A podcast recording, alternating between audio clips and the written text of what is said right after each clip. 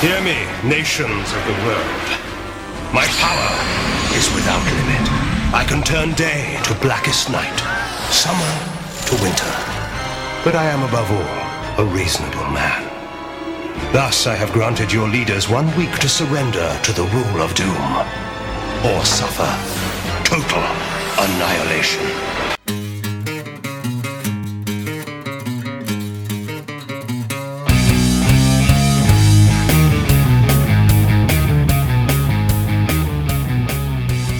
Hej og velkommen til Supersnak med Marvel Morten og Kim Helt alias Morten Søndergaard. og Kim Skov. Det her er podcastet, hvor to tidligere tegneserieredaktører taler sig tosset om superhelte i film, tv-serier, bøger og populærkultur, men med en helt særlig kærlighed til tegneserierne, mediet hvoraf alt godt opstår.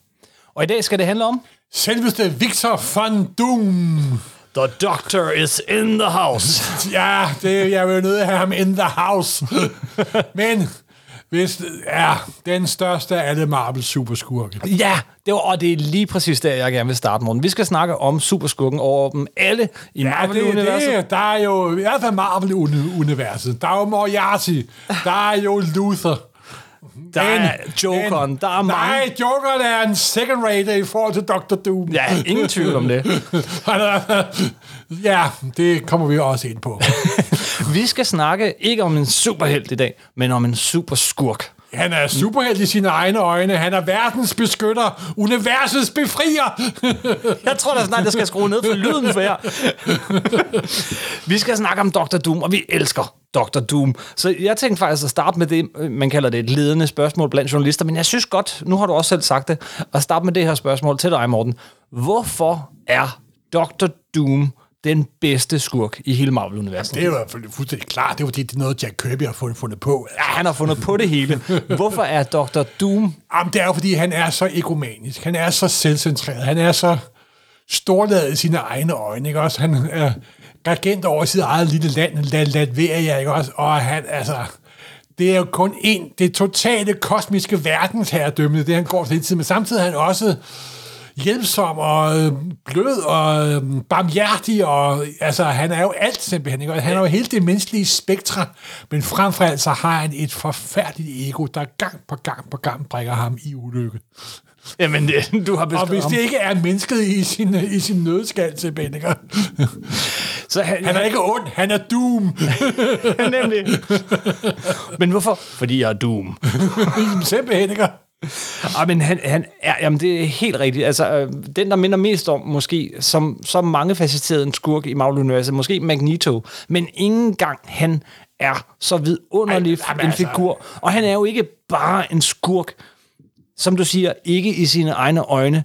Han, han, er, en, han, han er en mand af ære på mange måder. Han har en kærlighed og et ansvar øh, for sit folk. Og så har han bare den der, intet er stort nok, godt nok til Doom. Han er over alle. Han har et ego, der kan få planeten af samme navn til at synes lille. Simpelthen, og det har jeg som sagt, og det er jo grundlæggende det, der altid har bragt ham til fald, fordi der er jo det med superskurke. De taber og taber og taber og taber og taber, men de bliver ved. Det er som helten, de vinder jo hele tiden. Man kan jo sagtens være helt, ikke? Men superskurke, det må kræve, de, må, de har næsten endnu mere ryggrad.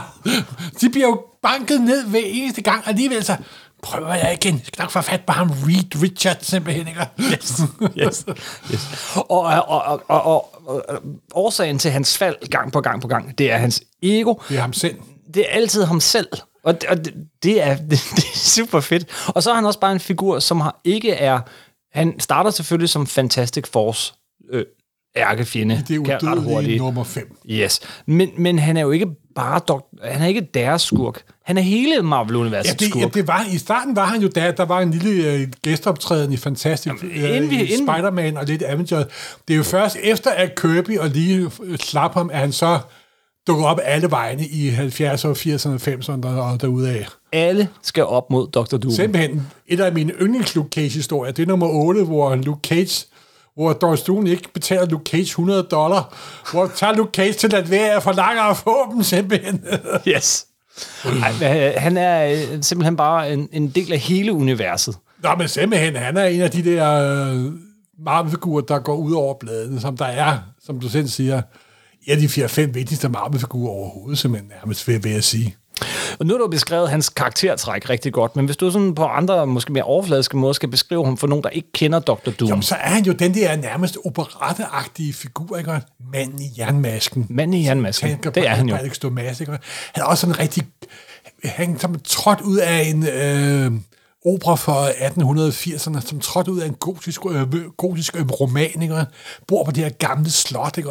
Der er kun mørke og torden og lynigt hver gang han er, og en rungende stemme, og et, hvordan ser han ud bag masken? Er, er ansigtet totalt vandsiret, eller er hans eget ja, ego? Hvorfor bærer han den maske? Men det er ja. jo det, han bærer maske, ja. han bærer øh, rustning hele rustning, tiden. Men han er en ridder. Han er en ridder, en ridder i... Han er ridder i sit eget... Øh, i, set med sine egne øjne, ikke?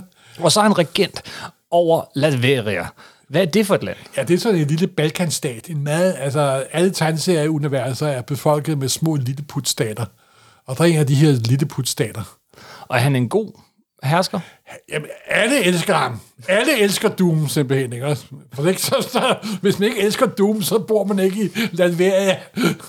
der er en lille og meget dedikeret øh, befolkning. Men der er jo det, hver gang, at der er en superhelt, som der også er statsoverhovedet, ligesom Black Panther, ligesom Submariner, så er der altid en vis procentdel af historien, der handler om, at han bliver årstet, at han bliver dethroned. Det... Der kommer en tronraner. Ja. Og, og det, den slags historie, de er sådan ved at være lidt småkede. Men han vender altid tilbage, simpelthen. Ja, superhelte og superskurke, det, det er en cyklisk natur, ikke? Altså, vi vender altid tilbage. Ja, og så er der også det med Dr. Doom. Det er ikke lige så slemt som med The Joker. Joker er har DC skamredet sig med de sidste 10 år, så er nærmest ikke noget tilbage af figuren. Mm. Og Dr. Doom har også balanceret på, på den æg tit og ofte. Men de holder dog lidt igen og laver ham noget om en gang imellem. Simpelthen, ikke? Ja, når han dukker op, så tænker man, oh shit. Men ja. man tænker også, hvad sker der nu? Fordi det er faktisk enormt for uforudsigeligt. Det er det ikke med Jokeren, det er det ikke med mange af de andre skurke, men, men, men dukker han op som ven eller som fjende? dukker han op øh, for sin egen skyld, eller for Latverias skyld? Hvorfor er han der? Og, jo, men han er jo blevet sådan lidt, altså ham og Submariner er jo, de er jo også meget typisk, de, de optrådte sammen i den næste Dr. Doom-story, mm-hmm, som mm-hmm. fantastisk for nummer 6. Og de har jo sådan lidt, lidt samme plads i Marvel-universet. De er sådan den gode skurk. Skurken, der er edel, der også gør gode ting en gang imellem osv. Men grundlæggende så falder de altid tilbage til deres grundkarakter. Det er, at de ikke er til at stole på, simpelthen. Men Dr. Doom, han er jo også, altså det er jo sjovt, og det er lidt ligesom Lex Luthor i DC-universet. Den største skurk, superskurk, ja. har ingen superkræfter. Nej, men til gengæld så har han jo både en fod i den magiske verden og en teknologiske verden. Mm. Han er jo det største geni af alle i Marvel-universet, hvis du spørger om sind. Ja. Der er nogen, der måske påstår, at Red Richard er større, men det vil han ikke høre snakke om. Jamen, det er jeg heller ikke sikker på. Red Richards har bare mere, skal vi sige, visdom.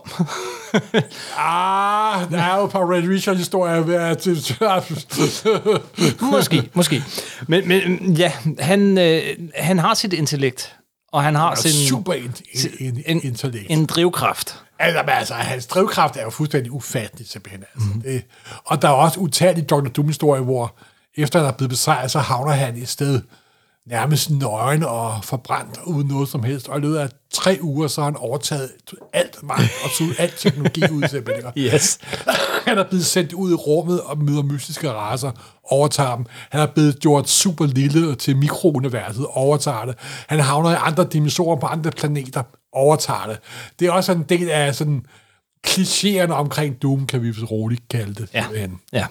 Og så er der også det, og det venter vi jo spændt på, fordi Doom har jo optrådt utrolig mange gange i, i Marvel-universet, i tegneserien, men vi, han har et par, skal vi sige, mindre heldige optrædener i filmene. Ja, det og kan vi, vi godt Og vi venter jo spændt på, hvordan MCU har tænkt sig at tolke både FF og hele persongalleriet omkring Doom. Jeg tror og håber, at øh, den næste hovedskurk i MCU, det bliver Dr. Doom. Og det trænger også til det, fordi alle deres skurke har været sådan nogle almægtige øh, aliens, øh, altså over, over naturlige, øh, det er de alle sammen, men du ved, hvad jeg mener med det. Sådan nogle overvæsener, men Dr. Doom er et menneske og større end dem alle. Ja. Hvis nogen kunne besejre Thanos, så havde det været Dr. Doom. Jo, men altså, de laver øh, de sidste to Avengers-film, men der er- påstår jo, det jo er Craig Kang. Ja, ja, der- og ham har vi nu, men Ja, efter og- Kang. Ja, og gamle dage var Kang jo også Doom, men det er han jo desværre ikke mere. har Men det, det kommer der er vi også en ind på. forbindelse, Ja. Der er en forbindelse, men det, det, det er igen... Burn er både har virkelig bragt fantastisk for videre, men han har også lavet nogle meget mærkelige beslutninger, som jeg ikke bryder mig om. Det kommer vi, Vi, også vi ind på. tager det hele kronologisk, men Det før vi hopper ud i det, så vil jeg bare sige, der er nogle... Øh, når, nu tager vi øh, Dr. Dooms historie kronologisk, fordi det elsker vi, og, og så kan man også følge, hvordan han udvikler sig. Men inden da, så kan man måske lige sige, der er nogle gennemgående tematikker. Det her med, at det er hans hovmod, der bringer ham selv til fald. Men der er også sådan noget med, at øh, han, hans slutmål er at blive en gud. Ja, og Det- og det er allerede antydet i den allerførste Dr. Doom-historie. Ja. Og han bliver bragt til fald af sin egen arrogance. Ja. Øhm, der er også det her øh, æresbegreb, der gør, at når man tror, han er skurken, så vinder han, fordi du kan stole på hans ord, faktisk. Ja. Øh, og så er der også sådan noget med, øh, hvad hedder det, tid, Ah, tidsrejser. Kan som regel stole på hans ord. Jo, jo. så er der no- noget, der er også nogle, nogle sådan typiske øh, temaer. Det er Tidsplatformen. Han også dukker op i den allerførste historie, nummer 5. Det er rigtigt. Og han har det med at bytte krop en gang imellem med Det andre. dukker op i den, øh, den tredje Dr. Doom-historie fra Fantastic Four nummer 10. Ja, men så Morten, så lad os hoppe ud i det. Undskyld, Hvad er øh, undskyld. Hvad, du vil bare til det. Du vil, jamen, det, er, jo- det er jo Stan Lee, det er Jack Kirby, det er Dr. Doom. Og det er det allertidligste af Marvel-universet. Han dukker op allerede i nummer. I nummer 5. Og hvad sker der der? Ja, der sker der meget, og det er jo, hvis man ser historien i dag, så er det sådan en lidt mærkelig, lidt halvtåbelig historie. Ja, det er de Men nogle den er gange. proppet med alle de ting, alle de øh, sædekorn, der senere voksede så store. Og der er, det starter med, at Fantastic Four sidder i Baxter-buildingen. Human Torch læser faktisk Hulk nummer 1. For de havde lige lanceret Hulk, og Så kender man Marvel. Ja, simpelthen. Og Johnny Storm og Ben Grimm er op og slås. Og pludselig kommer der en mand i en flyvemaskine, der kæmper et kæmpe, kaster et kæmpe el, el, el, et, øh, elektrisk net ud over hele Baxter-buildingen. This is the voice of Doom! Inden da, så har man set, historien starter faktisk med en splash page, hvor man ser Doom for allerførste gang. Mm. Hvor Kirby tegner ham. Hvor der sidder sådan en grip med buet ryg. Og samtidig har Dr. Doom, den allerførste udgave af Dr. Doom, der var han sådan lidt af en, han havde sådan en øh, krøbling nærmest. Sådan, hovedet var øh, Ja, hans kropsholdning er anderledes. Pukket rykket, simpelthen. Og man ser ham allerførste gang, han både har bøger med videnskab om og sort magi, simpelthen. Ikke? Redder der bliver det antydet, at han både har en videnskabelig side og en magisk side, simpelthen. Ikke? Så er der over til Dr. De kaster ned ud over Baxter-buildingen, og Ray Richard, "Ah, jeg genkender den stemme. Åh oh, gud, det er da min gamle medstuderende, Victor von Doom. Yes. Hvad? Hvad? Hvor kan du ham fra? Jo, jo. Vi var, gik på universitetet sammen, og han var jo en arrogant type. Og så prøvede han på at kontakte The Netherworld, underverden, den magiske underverden, døde verden. Og så gik det selvfølgelig galt, fordi øh, der var en fejl i hans beregninger, som Richard havde gjort ham opmærksom på, men han stolede kun, stolede kun på sig selv. Og så kommer det meget afgørende øjeblik, så bliver hans ansigt vandsiret. Ja, og der er tre tolkninger af den Men historie. hvor Men meget den, bliver det ansigt vandsiret? Det virker i hvert fald, at hans ego, hans perfektionistiske, hans almægtige ego, kunne ikke tåle, at der var noget som helst galt med hans ansigt. Så, ah, og så for evigt, så tog han til Tibet, som man gør i en tidlig Marvel-historie. er det her stadig Fantastic Four nummer 5? Det er stadig der fast nummer Ja. 5. Det er fuldstændig fantastisk, nemlig. Det er, der sker noget for Fantastisk for nummer 5. Tog han til Tibet, mødte nogle munke, ligesom Dr. Strange, ligesom prototypen både til Doom og Dr. Strange, Dr. Droom, der var Amazing Avengers nummer 1. Det er den eneste historie, hvor både Kirby, Stan Lee og Ditko arbejder sammen samtidig nemlig. Det er noget helt, det er noget helt tredje, vi er inde på her. Undskyld. Men så får han også den magiske side, den her munkeorden, der giver ham den der maske på. Den varme maske, ja. den brændende maske, men det bliver kun antydet. Og så er det tilbage til virkeligheden, hvor han siger... Til at- nutiden. Ja. Til, nu, til nutiden i nummer 5. At Sue Storm skal overgive sig, og hun kommer ombord. Hun bliver bundet på ryggerne og får bind for munden. Det er jo 60'erne, starten af, af 60'erne. Men der er en lille sjov pointe der. Og så tager de afsted til hans hemmelige borg. Der er ikke noget med Latveria. Og så har Dr. Doom fået den idé, at de skal finde Blackbeards piratens skat, fordi der indeholder nogle ting, som han har brug for. Hvorfor han fanden skat, tænker han, det er også lige meget. Og så har han selvfølgelig også lige lavet en tidsmaskine. Ja. Så sender han Johnny Storm, Ben Grimm og Ray Richard tilbage til fortiden, og så handler det mest af hæftet om, at de render rundt i fortiden, i pirattiden, og kommer bord på Black Bear og bla bla bla, og de får fat på skatten. Men ret sagt, han bad kun om at få skattekisten, så de tømmer den og smider gamle lænker i. Så kommer han tilbage til, til nutiden. Men han var slet ikke interesseret i skatten.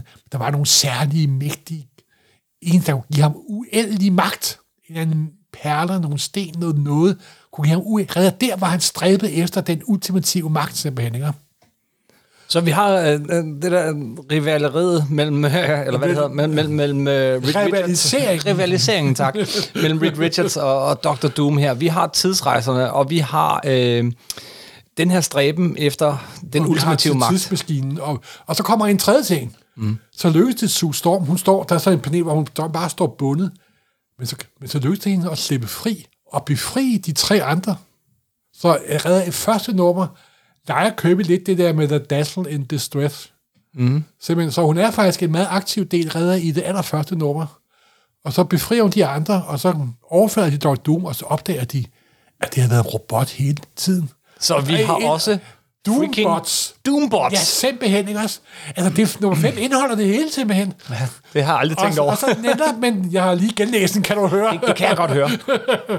Og så ender det selvfølgelig med, at han slipper bort med en lille håndbåret rak- raket på ryggen. Zoom, og bort fra bord. Men der er intet om, at det foregår i Latveria, og så videre, og så videre. Okay. Og så, og så dukker han redder op i nummer 6, hvor han arbejder sammen med Submariner, og smider Baxter Building ud, ud i rummet, og ender med, at han forsvinder på en asteroide ud i rummet. Men der er en anden ting interessant med nummer 5. Mm-hmm. Der er faktisk to ting, der er også utrolig betydning. Faktisk er nummer 5 nogle gange vigtigere end nummer 1. Kom med det. Nummer 5 er inket, det første FF, der er inket af Joe Sinnott. Ah, som jo vendte tilbage til serien senere. Der er senere og i vendt den tilbage med, i nummer 44, Ja. og senere blev der til den store gyldne periode. Og der er en endnu meget vigtig ting. Nummer 5 indeholder også det første læserbrev i Marvel-verset for Fra Roy, Roy Thomas. Thomas. Ja, nu handler det om Dr. Doom. ja, men alt er nummer 5. Nej, så var det jo meget sjovt. Så kom det nummer 6, hvor Baxter Building ryger ud i rummet og kommer tilbage, og Submariner arbejder delvis sammen med Dr. Doom, indtil de ikke arbejder sammen mere. Det er også et tema, der optræder senere med de to mødes, så de er jo begge to hersker af, ja. af nationen. De har en vis respekt og for de er hinanden. begge to lige afkant. Ja. ryger han ud i rummet på en asteroide og forsvinder. Men så redder i nummer 10, så vender han tilbage, og der er det jo meget sjovt. Det er jo det nummer 10, hvor han vender tilbage til Marble-redaktionen, Nå ja. og overtaler Stan Lee og Jack Kirby til at ringe efter Red Richard, fordi de skal lave en ny historiekonference. Og der mødte han selvfølgelig en fremmed race ude i rummet. Det var lige før han døde. Han klamrede sig til en asteroide. Men så bliver han reddet af en race, der lærte ham en masse nye tekniske fiduser, blandt andet det at bygge, bytte kroppe. Aha. Så han endte, og, jeg, og så, så er der en vidunderlig sekvens med, at han kommer og tror Stan Lee og Jack Kirby til at ringe til Red Richard, der så møder op på, på, på redaktionen i sådan normalt tøj, og så får han en gang gas, og så har han bortført ham igen. Og så skifter de krop. Ja. Og så vil vi selvfølgelig også skifte tilbage igen, som der altid sker i alle kropsskifte historier. Det er ikke den bedste kropsskifte historie. Den kommer lidt Nej, nej, senere. nej, det er bestemt ikke en bedre. Jamen, de her historier, det er jo i starten, hvor Stan Lee og Jack Kirby fandt deres... Ja, deres de er stadig lidt primitive, men, men, men, Men, men, men, der er... men det indeholder alle sædekortene til det, der senere bliver storhed. Yes. Og de har også bestemt en charme, det må man sige. En ting, som også er kendetegn her, og vi, vi vender tilbage til det der med ansigtet, og hvorvidt han, øh, og hvor Ja, meget han ja. er vaniseret, øh, fordi det er sådan noget, man Van, tolker videre på undervejs. Vandsidet. Vandsiret, ikke... Ja, okay. Du kan ret på mig i det, og det er Ja, godt. ja. Øh, Jeg kommer lige fra arbejde. Jeg er lidt udkørt i hovedet, men, Ja. men det, det, det, det løfter mig op, det her. Men Journalister et har, jo, andet- har jo lidt anstrengt forhold til sproget, ved vi. det skal du ikke. Øh, undskyld. Kom for godt i gang. ja, undskyld. Men, men, men det er sjovt, at øh, i de tre historier, du nævner her, Ja. de har en anden ting til fælles. Det er også, at øh, han dør ikke. Stan Lee og Jack Kirby har opdaget, opdager ret tidligt, at Der Det- er det- et eller andet det her. genbruger ham allerede nummer Ja, de seks. genbruger ham rigtig hurtigt. Ikke? De har Ja. sådan, ham her, okay, vi, vi skal sørge, gør- sørge for, at historien ikke slutter med, at han dør, eller er helt umulig at redde. Vi, vi gør et eller andet, som vi kan Jamen, de hive kunne ham ind de igen. sikkert ret mærke, at her har vi fundet noget, der er ved at bevare simpelthen. Men det er faktisk et gennemgående tema hele vejen op gennem 60'erne, ja. at, at, at Doom taber aldrig helt og fuldstændigt. Han, han taber målet, men han, det er altid sådan, så han er en trussel, der er der og kan vende tilbage. Jamen simpelthen, simpelthen. Så han er ikke ligesom alle de andre skurke, som bliver bare altså, kommer ned med nakken. Der er stor forskel på Dr. Doom, og de skurke, der kom før ham, Skrulls, øh, Mole Man og, og så videre. Og der er også det, at i start, slutningen nummer 6, der bliver han mikrobille lille og forsvinder, ligesom, ah, ligesom uh, The Invisible Thinking Man. Selvfølgelig vender han tilbage nummer 16. Ja, og, og, hvad, og i mellemtiden har han... Og der er han kommet ned i en mikroverden, hvor han også har besejret den og suget alt deres teknologi ud. Ikke? Yes, yes. Han assimilates. Og, og hvad så? Hvordan, øh, altså, lad os blive og dvæle lidt ved... ved, Ja, ved, men så, så, så, altså, så optræder han igen i en historie. Så kommer der jo igen en meget, meget vigtig ting. Så vender han igen tilbage og tror med at overtage hele verden. De får selvfølgelig styr på ham. Han har sådan en slags... Han har lavet sådan et shoested, sådan en slags sådan null space i et ikke-rum. Ja. Så ryger han ud i rummet mellem rummene. Øh, Det var sådan en start, sådan en slags pro, øh, proto-negativ zone ja. hvor han der drøner rundt der og forsvinder. I mellemtiden er der en anden skurk, der er dukket op i uh, Avengers i uh, nummer 9, Kang the Conquer, der jo virkelig var Ramatut, som Fantastic Four mødte i Fantastic Four nummer, nummer 19. Og så kommer vi alle sammen til det mest, et af de mest afgørende numre, Dr. Doom overhovedet. Det er Fantastic Fours årsefte nummer 2. Annual Yes. nummer 2. Yes. Og den starter sig med The Origin of Dr. Doom. En, først her får Ja. vi den. Simpelthen, får vi første gang. Og det er den første version af den. Og, ja, og her får vi sådan, sådan set også den endelige, altså alt, hvad der har været senere, det har bare været overbygninger bygninger på den lille 11 historie, som Kirby og Stan lige laver. Og hvad er så Dr. Og der får man at vide, at, at han er hersker i Latveria. Han startede med at være en Roma. Mm. Hans far, hans mor var død. Hun havde været en heks. Ja. Hun, hun dyrkede magi. Hans far var i stand til at helbrede folk. Baronen i Latveria har en kone, der er ved at dø. Han bortfører faren, siger, at han skal redde min kone. Det kan han selvfølgelig ikke. Konen dør, han dræber faren, og Don Doom bliver jaget vildt som ung mand. Men takket være hans intellekt, hans viden, hans magiske en- egenskaber, så lykkedes det ham at undslippe og overtage magten i Latveria. Det er dog lidt senere. Han kommer ind på, på universitetet, hvor han møder Red, Red, hvor han møder uh, Red Richard. Og så, efter det, han er blevet, skam, skam, han er blevet skamferet og fået den her rustning på, tager han tilbage og overtager magten i Latvia. Og så er det sådan, han er statsoverhoved, diplomatisk immunitet, totalt 100% dominerer den her befolkning, som der elsker ham højlydt, for ellers så får de på, på nakken. Men han er også, det er utrolig velfungerende stat, ikke? Der er det her, den bedste styreform af alle er diktator, der altid har ret. Det er i hvert fald mest effektivt. ja, simpelthen. Han, det er også det, han er effektiv, og han er også, det er en videnskabelig side af hans, hans sind, ikke? Mm. Og så er der den his, historie der, hvor han så møder ham igen. Og så lykkes det Red Richard, så kommer der en kæmpe slåskamp. Men så ender det med, at Red Richard siger, siger til ham, vi skal lave en contest, kun imellem os to, en rent intellektuel kontekst. Eller Ja, konkurrence, ja. Konkurrence. Klar, det var, det var English, der kom ind over der. Og så vinder Dr. Doom. Han går bort. Red Richard forsvinder som puff.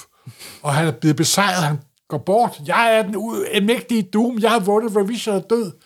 Så Richard, der har hypnotiseret ham til at tro, at han har vundet. Aha.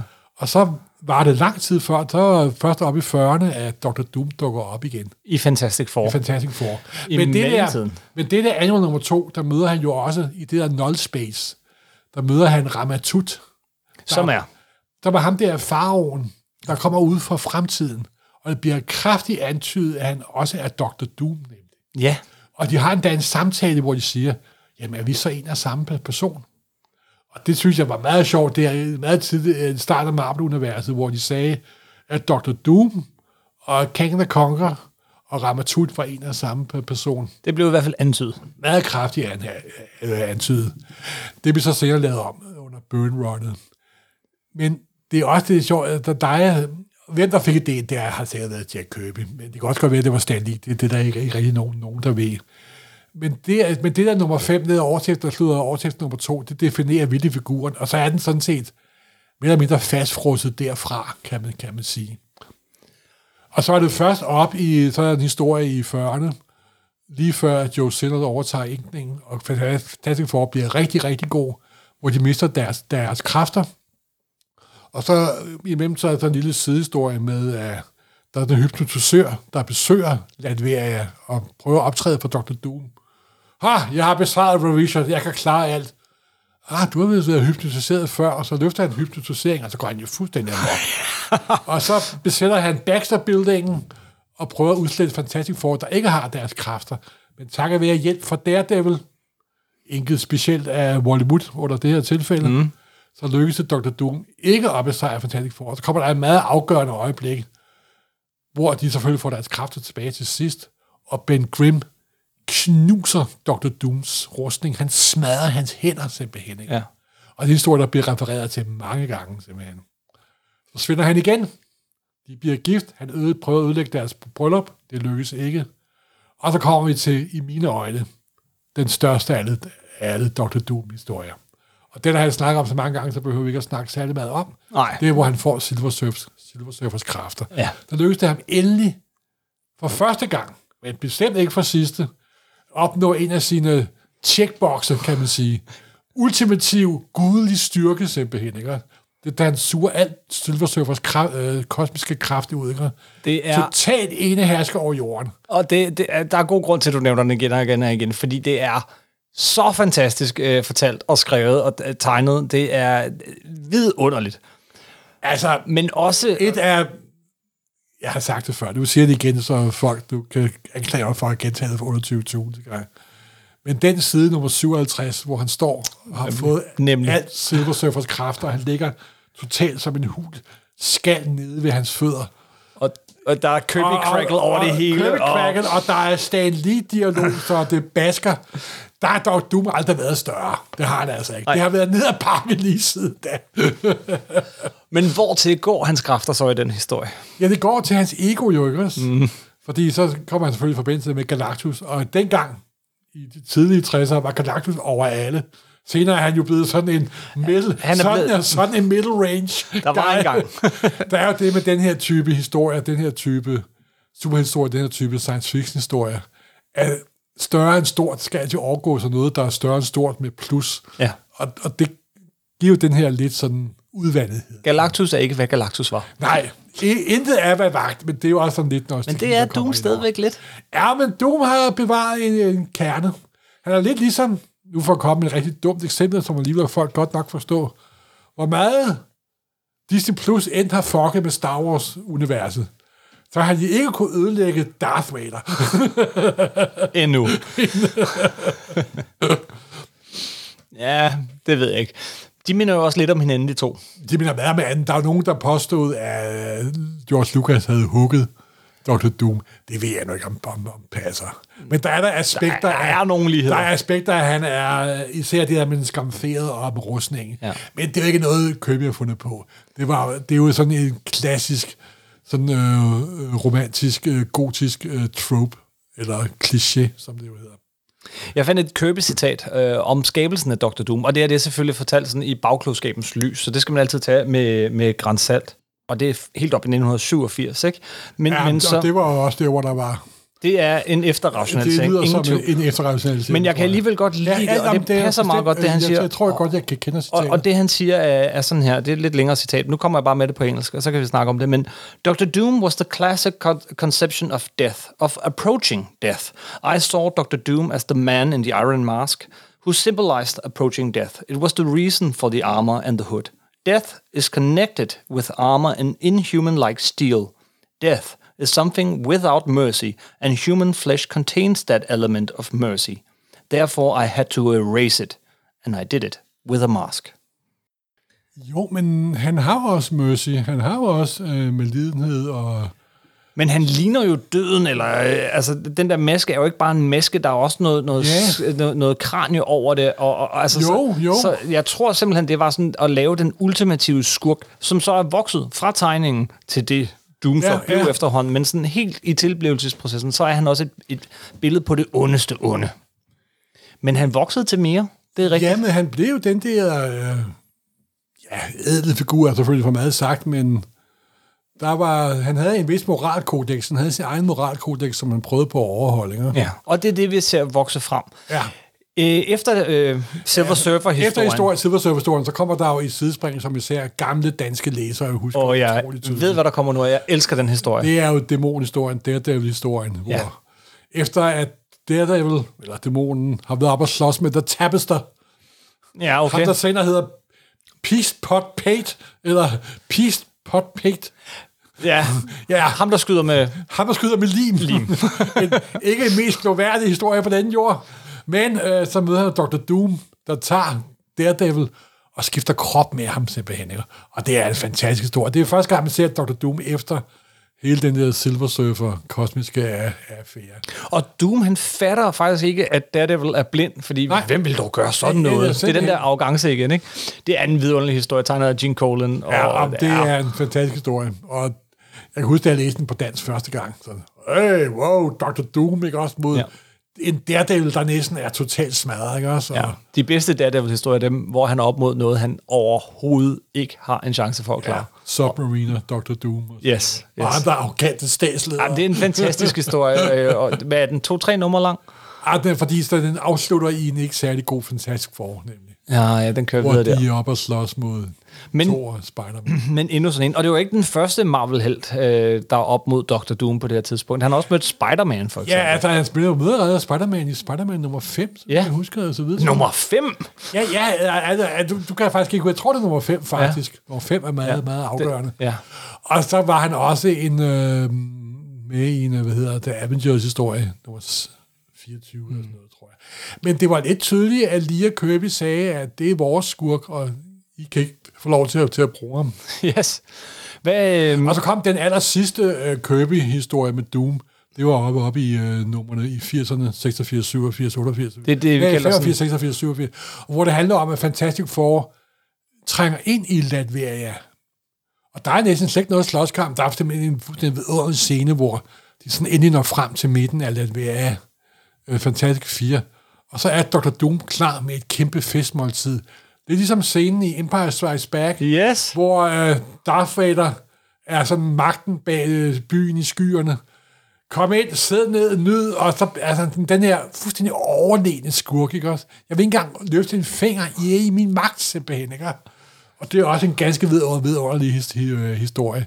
Og så er det selvfølgelig igen med, at, vi skal ikke komme nærmere ind på det, med at Dooms ego ikke rigtig kan, kan tåle tingene, og han sådan, de, de, forlader, de får lov til at forlade La- Latveria. Og så har han også vist både i nogle tidshistorier, men også den historie, han har et lidt blødt punkt over for Sue Storm. Ja. Og det er ligesom uh, Sub og Submariner. Nej, ikke på samme måde. ikke helt på samme måde. Ikke, ikke så aktivt, men ja, Ja, ja. ja. meget mere langvarig, fordi ja. senere hen i 90'erne og 0'erne kommer en meget vigtig episode med ham og Sue Det gør der. Og jeg tror i virkeligheden, det handler om, at han gerne vil være Reed Richards. Et eller andet selvfølgelig sted. er det. Hvis Han det Reed Richards har, vil han ja. have. Simpelthen. Øh, og, det, og det er en anden drivkraft, end den, som øh, Fyrsten Og Namor det kunne har. jo sagtens få, hvis han vil. Ikke? Kun, der er jo hans agerighed. Ja. Jeg vil være Gud. Jeg er Gud. Jeg er Doom. Efter de her... Øh, Ja, så øh, forlader øh, Købe. Der er selvfølgelig, og det vil jeg næsten ikke berøre, men det bliver jeg desværre nødt til alligevel. Han er også bag nummer 100. Fantastiske for. Ja. Men det er et nummer, som ingen Købe-fan nævner, fordi det er bunden af bunden. Det, det er Tintin og Hejsøen. ja, det er til Tænder Hejsø. Nærmest det. Ej, så slemt er det dog ikke. Men det er sgu lige ved. Men, ja, og, og, og det er selvfølgelig den rene, den rigtige og rene Dr. Doom, det er Kirby lige Fantastic Four Doom. Ja, og så er han sådan lidt mere til... Men så sker det jo sjovt, så beslutter Marvel det er lige i slutningen af 60'erne, starten af 70'erne, da de har den der omstillingsperiode. Mm. Zoom har det ved at tynde lidt ud, Kirby forlader forlaget, Stan Lee tager til Hollywood, Roy Thomas får lidt mere indflydelse, horrorbølgen er ved at gå, gå i gang, brydningstiden fra 60'erne til 70'erne, så beslutter de at give Dr. Doom deres, sin, egen, sin egen serie. Ja, Og der får de jo fat på et stort talent, som der gjort ret meget for Daredevil, var kommet op og skændes med Stan Lee, men nu fik Roy Thomas ham overtalt til at vende tilbage. Så en, en serie, hvor det var 10 numre, det var øh, Inhumans, det var det sidste købe lavet, og så var det Dr. Ja, det var Amazing Adventures. Det var Black Widow. Og Kassar og Dr. Doom. Det, Ja. det, er, det, Ja. det er en, det er en sådan... En, en, Det var Astonishing? Tales og... Øh, der var der to. Og Amazing Ad- Ad- Adventures. Ja. Og der var, og der var øh, Hollywood begynder at tegne Dr. Doom. Mm-hmm. Og Hollywood er jo perfekt til at tegne rustninger, simpelthen. Dr. Doom. altså, Hollywood er perfekt til at tegne alt. Ja, det er jo sådan, alt er jo overidealiseret, men det er, det er ret fantastisk. Og Roy, Roy Thomas hjalp med at skrive, skrive historien. Men jeg tror, der meget af det var også var, var plottet af Savut. Og men, der var sådan meget, og der handlede det mest af historien om en, der prøver at overtage magten. Ja, men, ved, ja. men grunden til, at du skal nævne den, er jo, Ja. at der kommer nogle nye lag til figuren Der kommer i den her nogle nye historie. lag til figuren. Man ser ham som øh, en hersker, som en, der styrer. Og så kommer der også en meget vigtig historie, det er lidt senere hen i forløbet. Ikke tegnet af Hollywood, men af Gene. Men i samme serie, ja. hvor det første gang virkelig bliver afsløret, han har også den her hemmelighed. Mm. Moren er fanget i helvede af, af Mephisto, simpelthen. Mephisto er jo så i mellemtiden dukket op i Marvel-universet i Silver Surfer nummer, nummer, nummer 4. Det er Marvels satan. Simpelthen, det er Marvels øh, djævel, simpelthen. Der er forskellige skygger af, men den mest afgørende er Meph- Mephisto, simpelthen. Og en gang om året prøver Dr. Doom med hjælp af sine vildstykker og sine magiske kræfter at befri moren for helvede.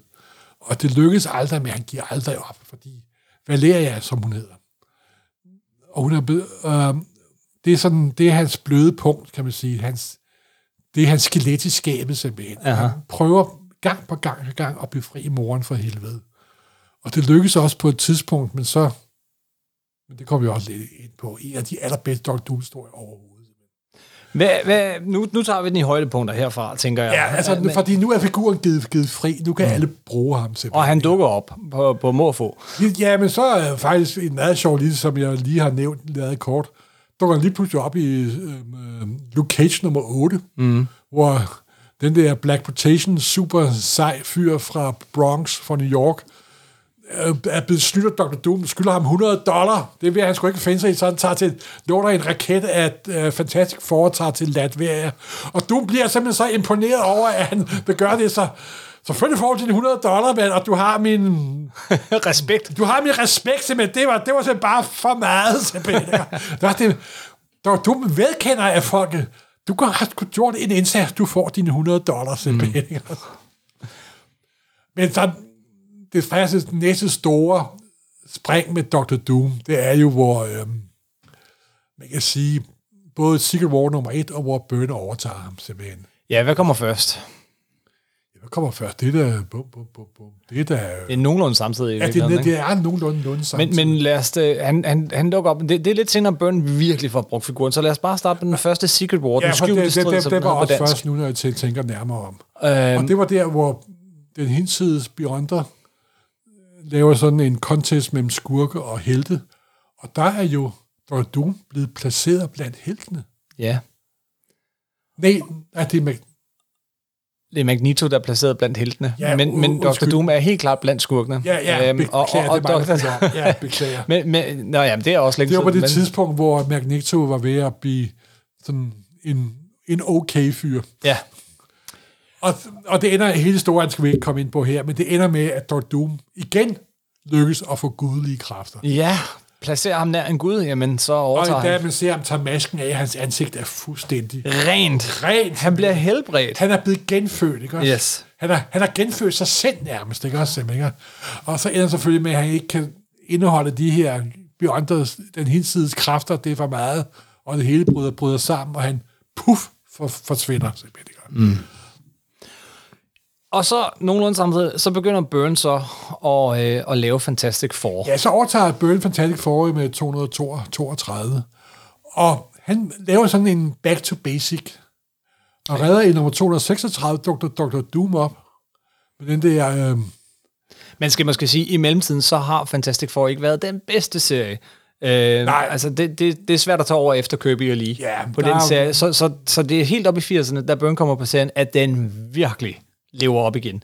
Og han gør det, som du siger, back to basics. Han gør det ved at vende tilbage til det. Prøv at gøre det, som Lee og Kirby gjorde så godt. Øh, Så det er meget af det er faktisk genfortællinger, øh, eller, eller Ja, og, og, riffs det, og det er også det, man kan sige de med hele historier. Burns Run. Det er primært sådan et, et genfortælling af Silver Age i, i Bronze Age, Ja. kan man sige. Men der er nu også nogle virkelig gode ting. Men så er der jo det med, at han først dukker op i 236, hvor han sådan putter fantastiske for i sådan nogle mini-robotter, så det er en lille miniby, der er på... Nå ja. Ja, og det er en fantastisk hi- historie, og, og det er sådan en typisk tåbelig superhelteplot. Men så sker det, at i nummer 247, der er der et nummer af Fantastic Four, der kun omhandler Doom. Der er Fantastic Four slet ikke med. Hele nummeret af Doom. Hele nummeret er Doom. Der er der, og der ligger op til en historie, hvor der, der fortæller man Doom og hans forhold til sine robotter, og hvad han går og laver. Der er sådan en dag i, i Dooms liv nærmest. Og det ender selvfølgelig med, at der er et kæmpe Doom Fantastic Four plot, og hvor der også optræder en forældreløs dreng, Christoph. Meget vigtig figur her. Så, så fra med her bliver ret vigtigt.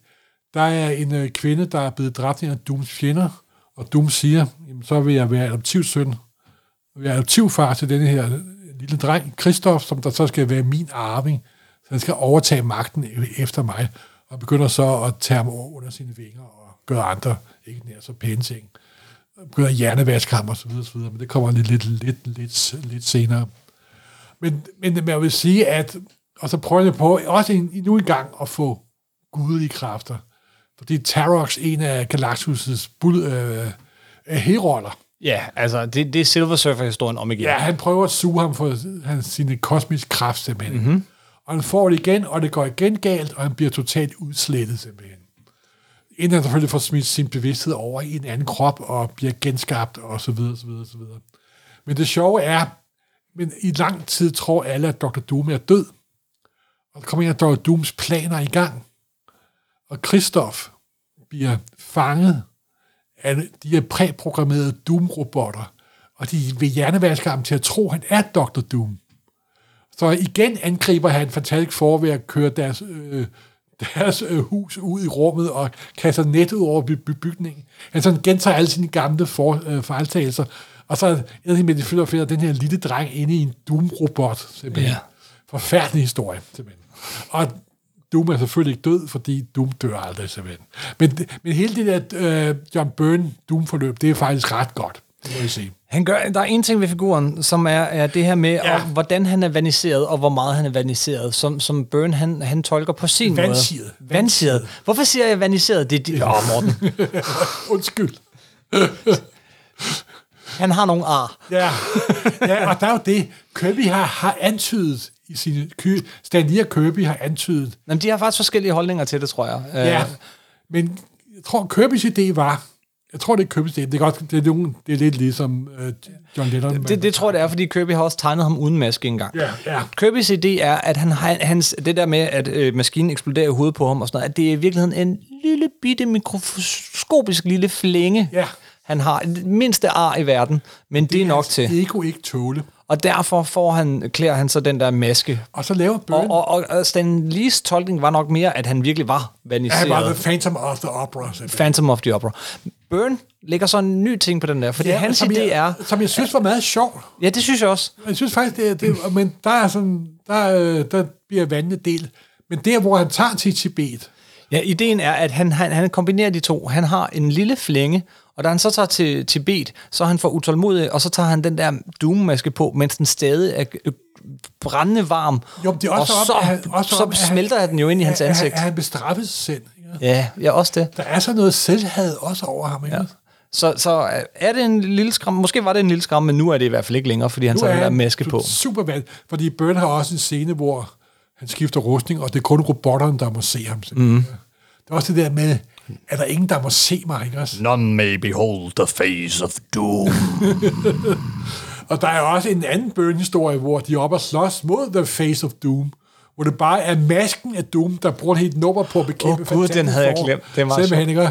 Men altså, jeg synes virkelig, det lykkedes Byrne i sit fantastiske forrun virkelig at bruge Doom på en rigtig, rigtig god måde. Og så gør han jo også det, at når der er nogen, der er en anden forfatter, der, Ja. der har øh, brugt Doom i, en I historie. uh, X-Men, hvor han er sammen med Arkite, Ja. og Arkite tænder en uh, tændstik på hans rustning og, og ryger en uh, cigar.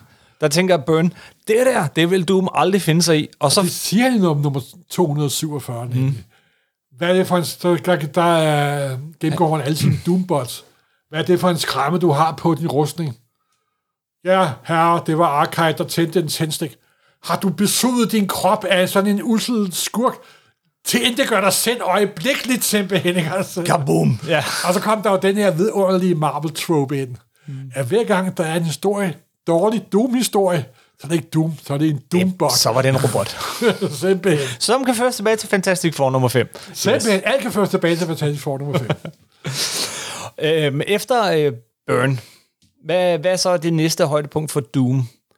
Ja, men så, altså, så kommer jo det, så bliver han brugt og misbrugt, og kommer nogle gode historier, nogle tåbelige historier, der er hele det her Heroes Reborn. Hvor Nej, nej, nej, nu er du for langt. Nu er du alt for langt op. Du kan ikke hoppe så langt op uden det, fordi der er jo en historie med ham og Iron Man. Jamen, den kører over mange år jo. Den, den kører nemlig over den mange år, kører over to numre plus en mi- miniserie. og, og man vender tilbage til den af flere Ja. omgange, men det er lang tid Ej, før ja, der er meget sjovt, fordi. Iron Man og Dr. Doom har jo én ting til fælles. Ja. De har ikke nogen superkræfter, de har deres intellekt, der har skabt den rustning, de har. Den dragt, de har. Den yes. kampdragt, de har. Ikke? Og de er også lidt arrogante begge to. Ikke? også? Så det, men Dr. Doom og Tony Stark bliver smidt tilbage til Camelot. Ja, Simpelthen Ridderne også og med riddere, bord og Merlin og og det det er hele. David Michelin og Bob Layton, der har lavet historierne. Øh, De kørte i Iron Man i to, i, øh, to perioder. Så lavede de senere en, en miniserie mange, mange år senere, sådan for at så afslutte. det er en hel trilogi nu, ja. Ja, det er en hel trilogi der. Den sidste del af trilogien er ikke så god. Men, men, Den er måske bedre end sit rygte. ja, men- ja, det er, men det er noget rigtig godt 80'er Marvel, Ja. og det er virkelig gode historier, og de, når de skal tilbage til, nu, til nutiden, så lykkes selvfølgelig øh, Tony Stark og Dr. Doom at lige hjælpe af et par ledninger og et halvt rør og bygge en tidsmaskine selvfølgelig. Ikke? også? Det er jo de to... Altså, der er jo... Hvem er den smarteste person i Marvel-universet, ikke også? Og der er jo Red Richard, Professor X, Magneto, Tony Stark og Dr. Doom. Så de puttet nogle nye på i senere i 0'erne og 90'erne. Men sådan, det, de klassiske fem, det er, det er de her. Yes. Øhm, også, altså, så, som du selv siger, der, der er op- og nedture. Der er, øh, hvad hedder det, Walter Simonson skriver Fantastic Four og bruger ham der i en periode. Ja, det er jo meget sjovt, fordi øh, der laver han...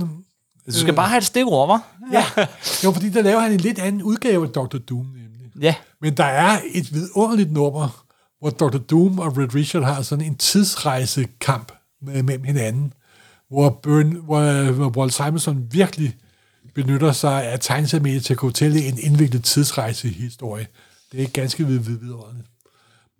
Og så er der jo også i 80'erne, er der jo nok en af de allerbedste Doom-historier af alle, der kom i en af de første Marvel graphic novels. Det var nemlig den, du ikke måtte springe over. Ja, jamen, det kunne jeg aldrig drømme om at springe Det gjorde du. Du hoppede lige op i 1990'erne. Ja, det gjorde jeg. Det, undskyld, det var ikke meningen. Beklager. Det kan jeg godt forstå, at du bankede håndbremsen i, simpelthen. Ja. Jeg blev helt vaniseret, eller hvad det hedder. Vandsiget. Ja. Vandsiget. Ja, det, må, det giver ingen mening.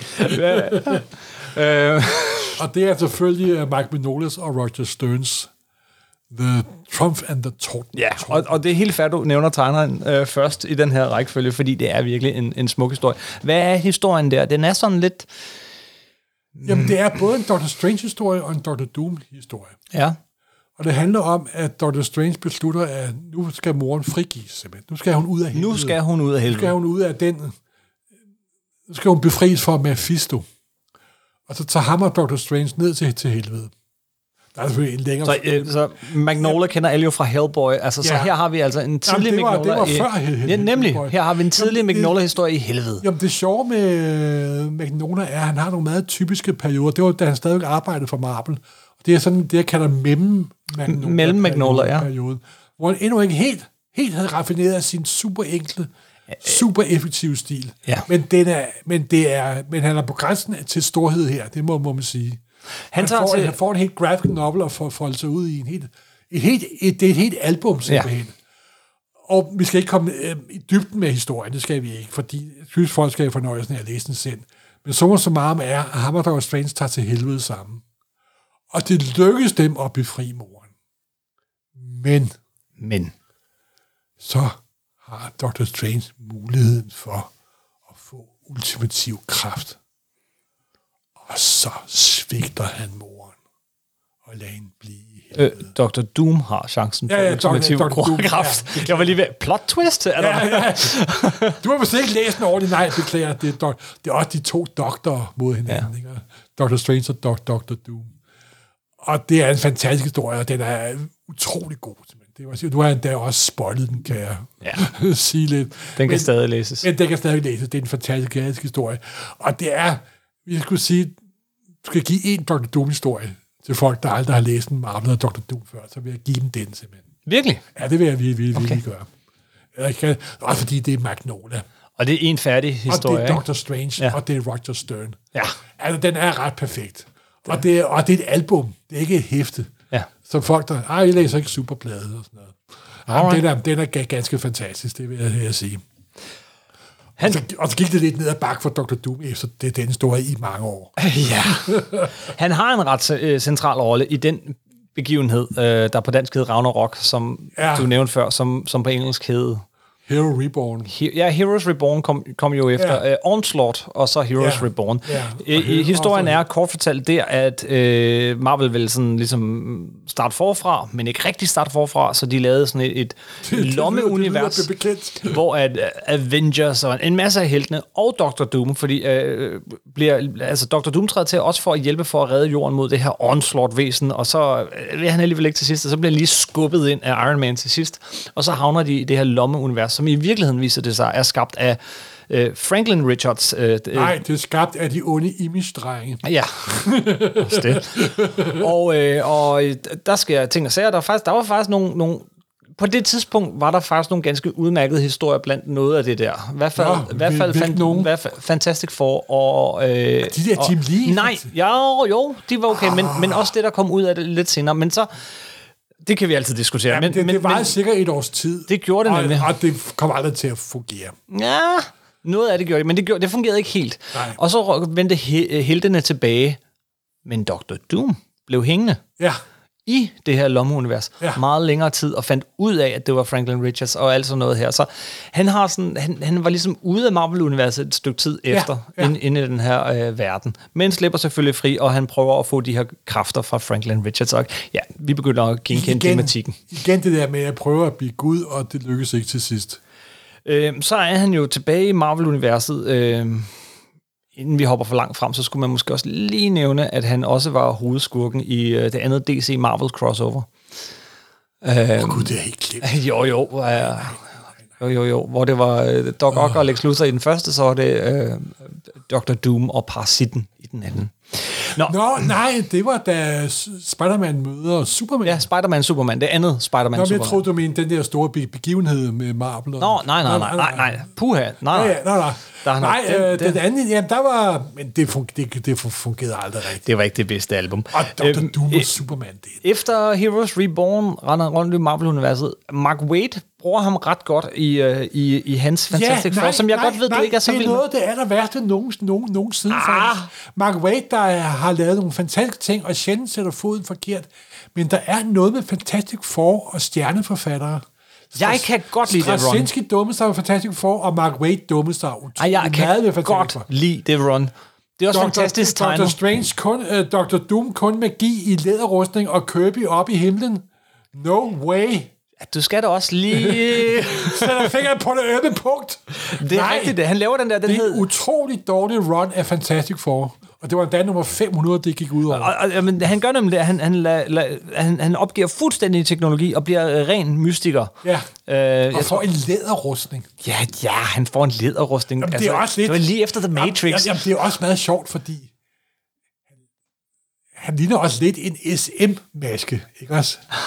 Så får han en læderrustning. Hvad prøver ja. Waid at sige her, ikke? Og ja. han har det her selvhad, Ja. og så videre. Ja, jeg ved ikke, der er, altså, der er nogle meget mærkelige understrøm der, som jeg tror, ingen er rigtig en er kommet til bunds i, som, og slet ikke Doom. Vi er øvrigt også sprunget over en, en mindre historie, hvor at, øh, som er grund til, at øh, Reed og Sus øh, andet barn øh, hedder, eller første barn hedder Valeria. Ja, øhm, Og det gør hun jo, fordi at øh, Dr. Doom redder hende, Jamen, det jo redder hendes det var- liv, det var og i bytte vil have lov.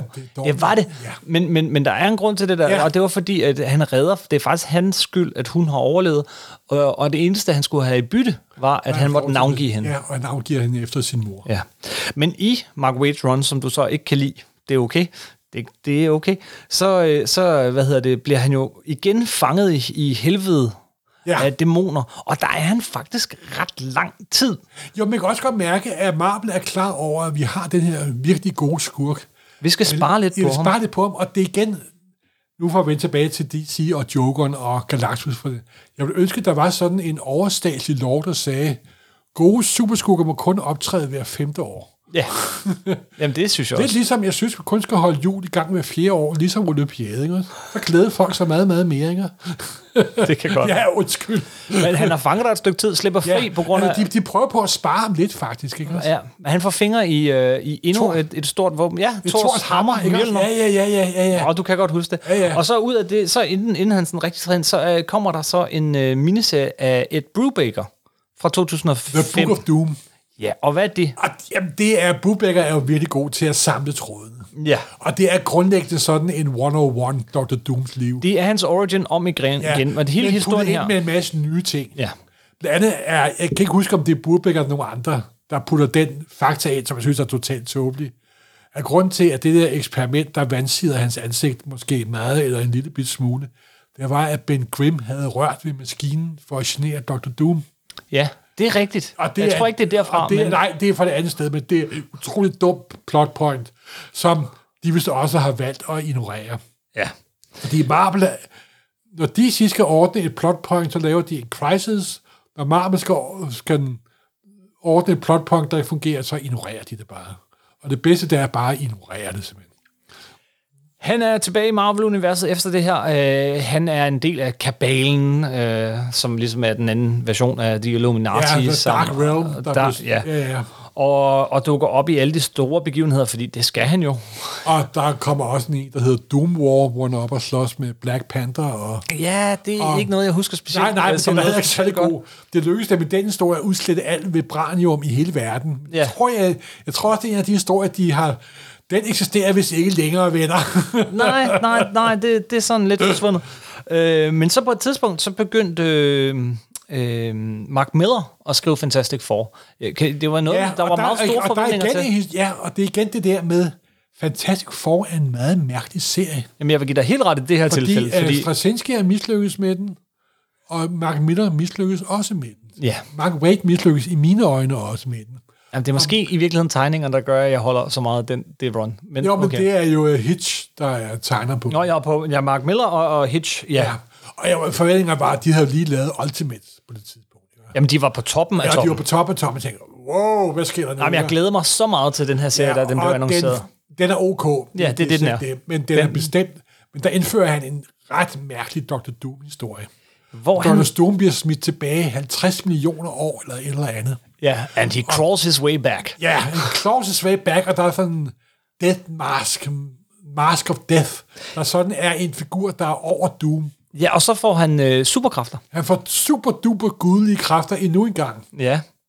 Og, og jeg tror og faktisk ikke efter engang, den historie har alle valgt at ignorere den historie. Den det er nemlig aldrig det, refereret. for vi har ikke fundet ud af, hvorfor han ikke har de Ja, der men superkræfter det, mere. det, det, det, det, det er bare aldrig sket. Det er også en fejl. Jamen, Doom, det er en super fejl, ikke? Doom skal stræbe efter de kræfter, men han skal ikke have Jamen, dem. det er sjovt. Altså, Fantastic Four, det er en familie, og det er ikke alle forfattere, der kan skrive i en velfungerende familie. Men ved du, hvem der kunne? Det kunne Ja. Jonathan Hickman. Jonathan Hickman. Jonathan Hickman, og vi har snakket om det her før, tror jeg, men, men øh, han, han overtager så serien efter det her, øh, som vi alle sammen havde glædet os til. Og på det her tidspunkt var, altså efter Mark Miller, så kom Jonathan Hickman på serien. Og alle havde jo glædet sig til Mark Miller, men ingen havde rigtig glædet sig til Jonathan Hickman på Fantastic Four, fordi han så meget, øh, så, så stort et navn var han ikke endnu. Nej, det var han nemlig ikke på Men- Men han havde lavet den der, øh, hvad hedder den, øh, Shield. Shield-serien der, den hed noget andet. Fury og Ja. så videre. Og han, men det Mark, øh, Jonathan Hickman kunne, han havde idéer. Han havde Han er en Så idéfabrik. mange idéer, Og de fleste af hans idéer, det er science fiction idéer. og det passer perfekt Og til det er Fantastic Four. vildt, super duper science ja. plus science fiction idéer. Og så kom han familien i centrum igen. Det her er, for, ja, for mig er det her øh, noget, Det, det, er, det, det er det anden bedste. Ja. Ja. Over Burn for mig, som det anden bedste Da Fantastic jeg sad Four og nogensinde. det her afsnit, jeg bladrede lidt nogle blade, der faldt jeg over det der Hickman-afsnit, det der med Run, Ja. og jeg er begyndt at læse det igen. Jamen, man kan næsten ikke lade være, hvad? Og det er, altså tegningerne er ok. Ja, det er meget svingende. Ja, hvad hedder den? Ellis Drum. Det er meget forskelligt. Ja, og der er en masse forskellige tegnere. Det eneste ting, der virkelig irriterede mig i starten, det var, at den nye tegner udstyrede alle fantastiske foruniformer med korte ærmer. Men det er også det eneste, jeg har så udsendt på serien. Men, Nej, men, men hvad er Dooms rolle i, i, i Hickmans run? Ja, Dooms rolle er jo øh, det, at man finder ud af, at han har jo noget at køre med Latveria, ikke? Og Med Latveria, med sit eget hjemland, ja. Nej, nej, nej. Du mener Valeria, gør ja, du Val- Valeria med datteren. Fantastisk Fours nemlig. Datter, nemlig. Og Der er hun- et de har et forhold, de de to, har ja. et forhold til han, han kalder, hun kalder hende for Onkel Doom, simpelthen. Og det, man er sådan helt, what? Og, han, og hun får harriet ham ind i gruppen. Ja. Han bliver en del af Fantastic Four, eller Future der Foundation, det- som de kalder sig selv på det tidspunkt. som Valeria jo ikke vil afsløre over for sin far, som hun elsker alt på jorden, men hun er smartere end sin far jo. Ja, det, det, det skal man ikke fortælle sin Men far. hun er ikke lige så moden som sin far. Vel? Nej. Og Richard er jo ikke overmoden, vil jeg jo sige, vel? Ej, men altså, hvis man ikke har læst det her Hickman Run, så er det, som du selv siger, det er ja, måske nummer to, måske nummer, nummer tre bedste fantastiske forrun. Det kommer er, an på, hvor nostalgiske dine briller er. men historiemæssigt, så er det nummer to. Det er 100 procent. Ja, Og det er kun fordi, vi, vi har vedtaget øh, ved lov, at der er ikke noget bedre end Kirby øh, lige. Selvfølgelig er der ikke det. Men, men det er ikke en lov, det er en naturlov. ja, det er en naturlov. men virkelig, øh, det, det, det, det er den varmeste Ja, anbefaling ja, herfra. ja, Og det Dr. Doom, fantastisk. Dr. Doom får en, altså han er stadig Dr. Doom, selvom han er øh, en, en, en del af det her hold.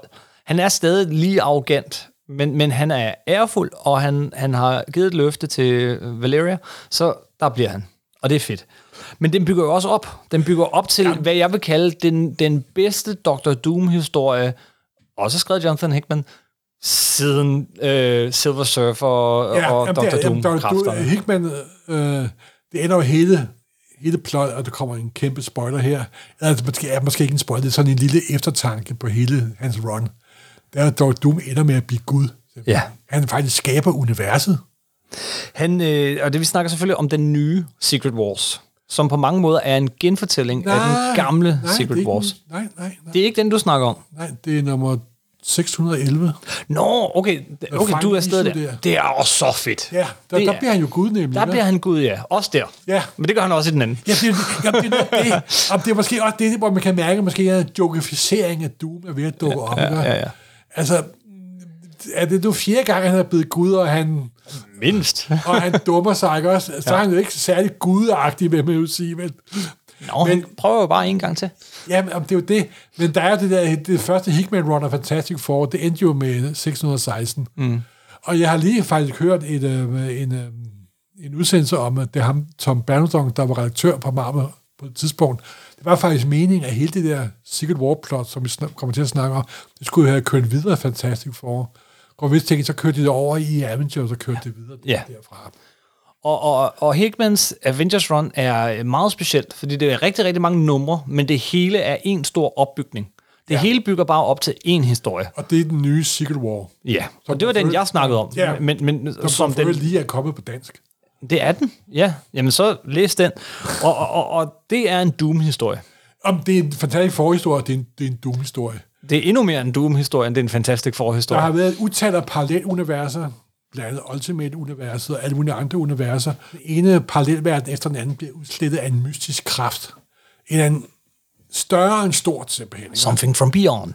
Simpelthen, og det er jo igen Hickman, som han har gentaget i gang, han er så god til at inkorporere de her science fiction, kosmiske idéer i De, historien. de kæmpe store det, det idéer, fungerer vældig, vældig, virkelig godt. Simpelthen. fordi han komponerer det med det nære, det familiære. Sim, simpelthen. Og der er en lang plot, hvor den ene verden efter den anden for- forsvinder. Sidst er der kun. Og så finder de ud af, hvad er magten bag det her, ikke også? Det er sådan en helt race af Beyonders. Ja. Men bag dem er der en endnu større kraft. Sådan en kult, der er Black Swan. Og denne kult er styret af Dr. Doom. og så kommer, så kommer den store, den store finale i hele det der lange plot, som man har både bygget op til Fantastic Four og i Avengers, og den her 9-nummers miniserie, der hedder Secret War. Som vi har lavet et helt afsnit om, uh, Supersnak. Ja. Men, og den er kommet på dansk Ja. for nylig. Og hæfter, kom på den, men hvordan er arme danske læser kunne fatte, hvad der foregår? Det, det må Gud at vide. Men det er, den er fantastisk tegnet og fantastisk fortalt. Uh, det må sige. Den, den er skrevet af uh, Jonathan Hickman, og selvfølgelig, og, og sådan så tegnet af Iset Rubik, Ja. som jo er en Altså, jeg vil helt sige, der er, altså. Nogle gange er det så om, at han ikke rigtig er med i historien, men her i de ni numre, der er han med i historien. Det er mm. en fantastisk tegnet. ja, Og episk, altså i, e- episk med episk på, og Ja. episk i den gode for forstand. nemlig sådan blyantstegninger, hvor der er farvelagt direkte ovenpå. Det, det ser helt anderledes ud. Og det allerførste nummer, der er kun to universer tilbage. Der er det originale Marvel-univers 616, og der er Ultimate-universet. Og yes. nummeret slutter med, at de støder sammen, alt bliver udslettet. Og som jeg har vi har sagt mange gange før, når alt bliver udslettet i et superhelteblad, så er der kun hvidt papir tilbage. De sidste fire sider der, det var bare sådan hvidt papir, hvidt Ja. papir, hvidt papir. Men så til allersidst, så er der en svag antydning af to øjne, og det er Dr. Doom. Og i nummer ja. to, så er der et univers genskabt i Dr. Dooms billede.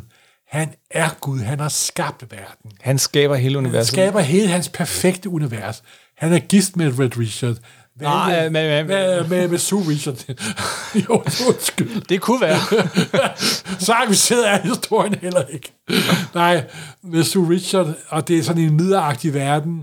Dr. Strange er hans rådgiver, Valian er hans datter, og alt er perfekt. Han har en livgarde kun bestående af Thor, Ja, Thors. og så videre, ja. og så videre, og så videre.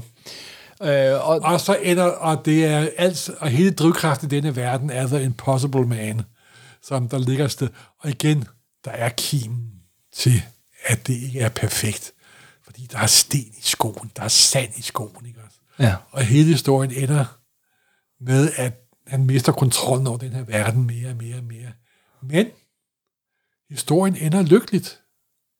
Det ender med, at den sidste panel i historien, og kommer en kæmpe spo- spoiler, ender med, at Dr. Doom, at så bliver det gamle Marvel-univers, det bliver gen, genskabt.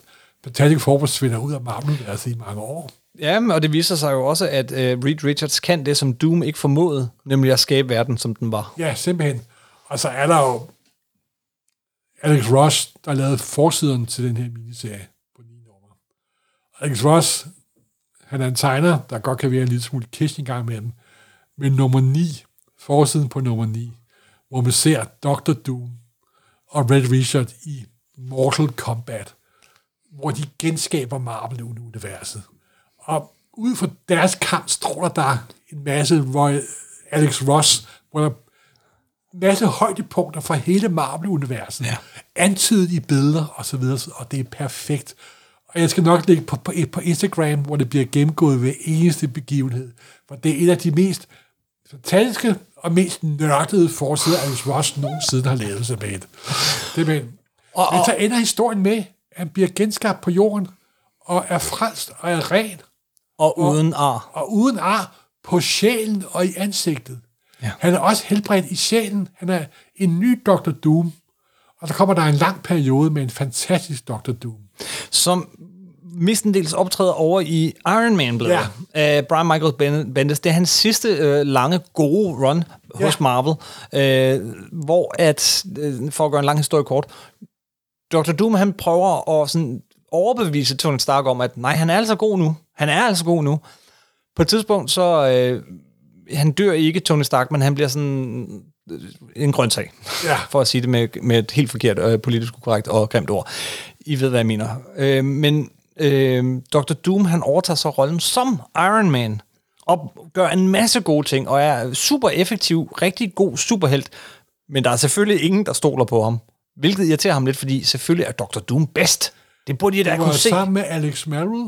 Uh, Alex Maleef, Maliv, ja. ja, som jo er en af mine... Altså, når Alex Maleef og, og Brian den? Michael The- Bendis The- laver noget Impossible sammen, Iron så køber man... den?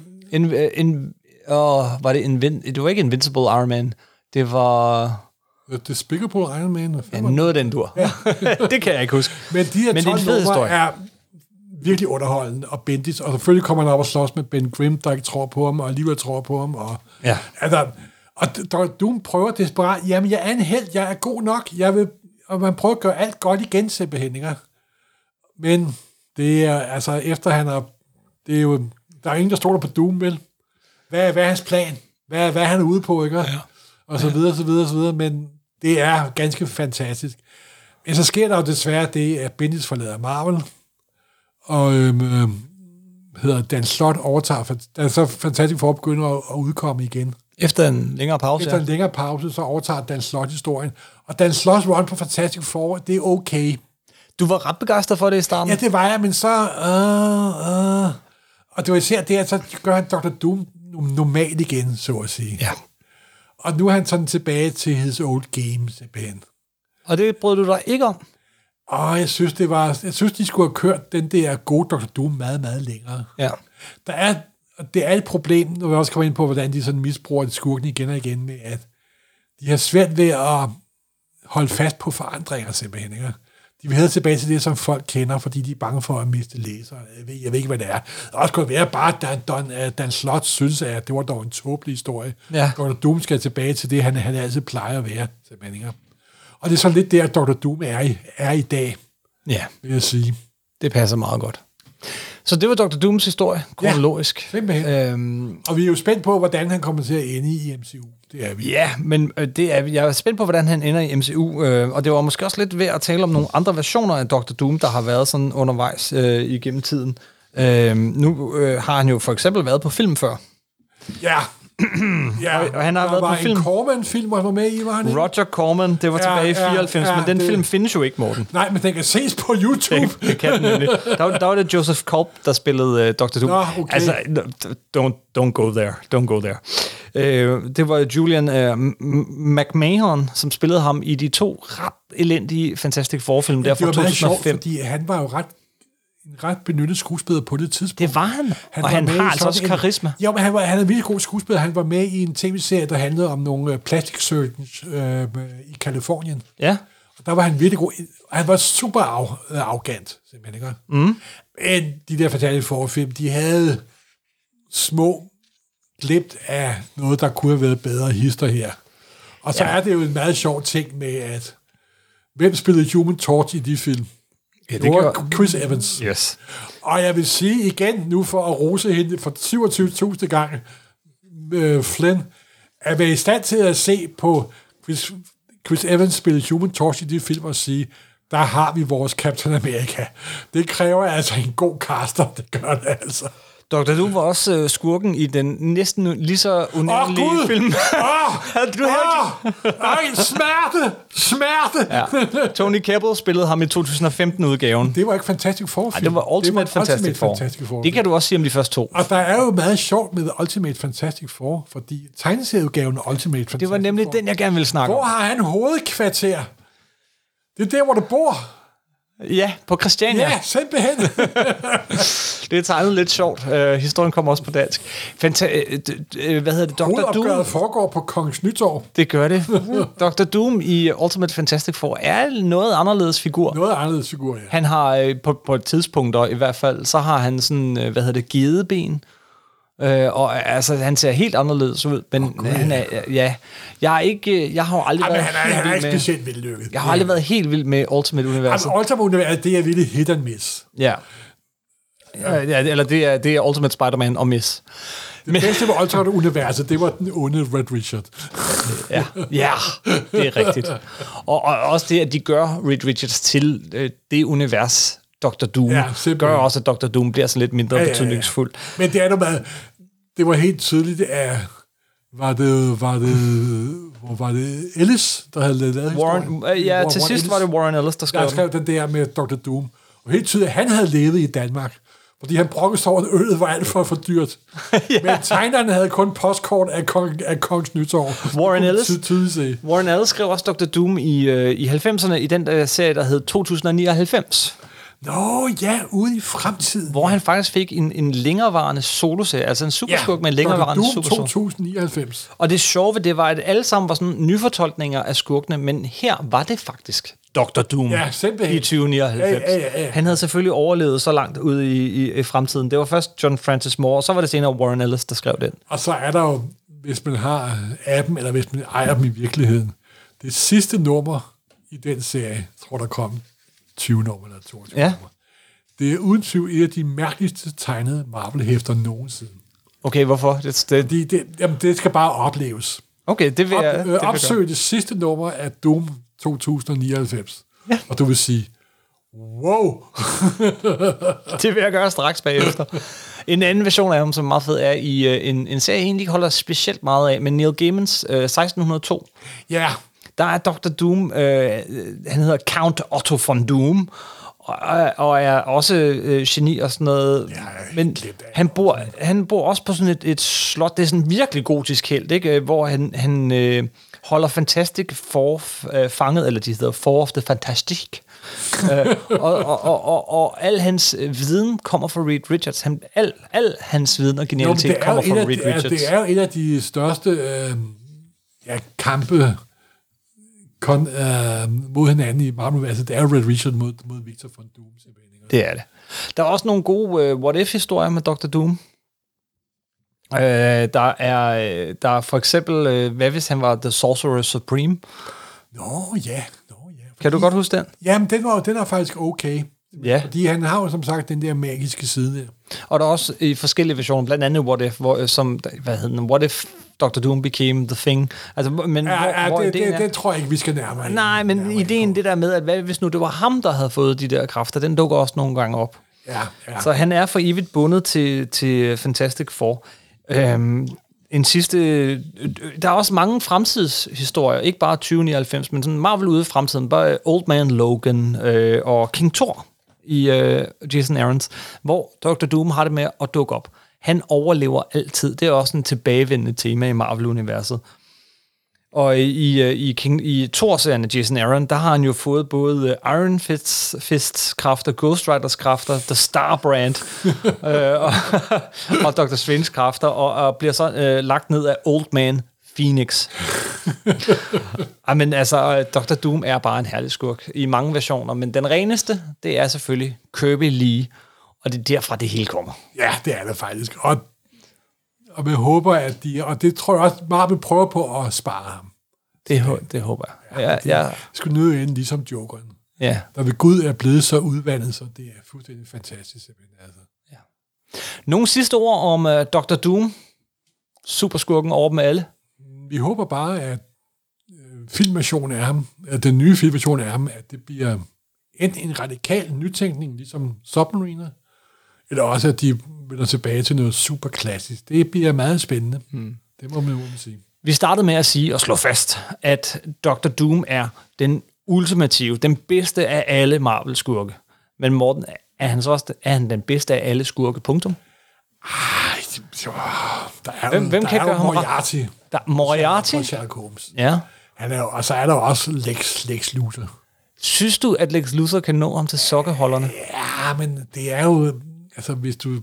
Det er jo...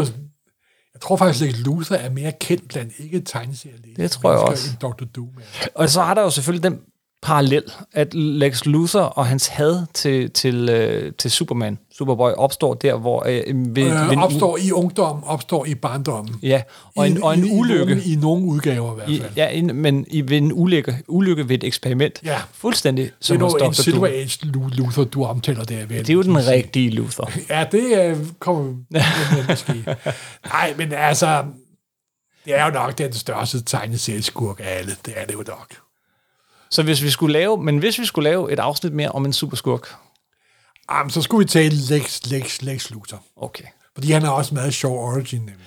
Og han har mange forventninger igennem tiderne. Han er faktisk endnu, altså, han er jo meget mere plastisk, end Dr. Doom er, fordi den grundfigur, som Lee og Kirby skabte, den er der blevet lavet variationer på, men den er aldrig blevet lavet om. Nej, den er ganske urokkelig. Undtagen da Mark Waid prøvede, og det mislykkedes.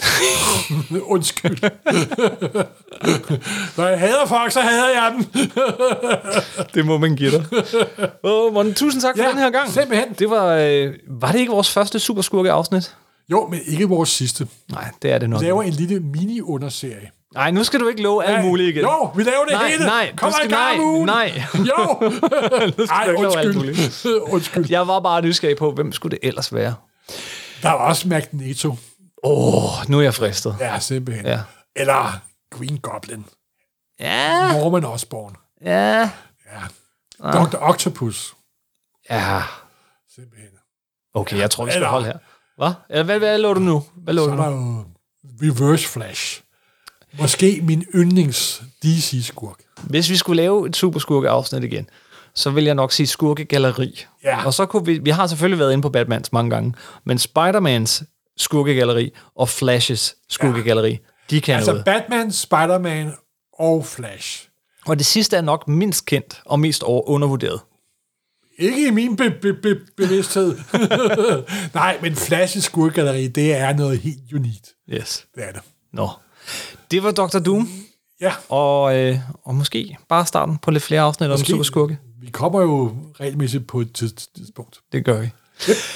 Tusind tak for den gang. Husk, der er tidligere afsnit af Supersnak inde på, øh, ja, der hvor du hører podcast, der ligger alle afsnittene. Der er efterhånden en god bunke. Øhm, der er, øh, hvad hedder det, også en masse artikler inde på nummer 9.dk. Du kan finde os på Facebook, facebook.com, supersnak podcast ud i et. Og, og det samme på Instagram, På Instagram, hvor du har lovet at lægge nogle hvor billeder jeg ud. lægger nogle, en analyse af forsiden af Secret War nummer 9 op. Jeg øh, kan love, at det er noget, du øh, først kommer i tanke om, når du hører det her afsnit blive sendt. Og Nej, så tænker nej, du, nej, jeg sværger og lover, at det ligger parat, når vi udkommer. ha, det vil jeg se, før det Så, sker. så, så, du er ikke på arbejde. Okay. We'll see. Ja, okay. Nej, jeg sværger. Okay. Okay. Tusind tak for den her Ja. gang, Morten. Hej, hej. Hej.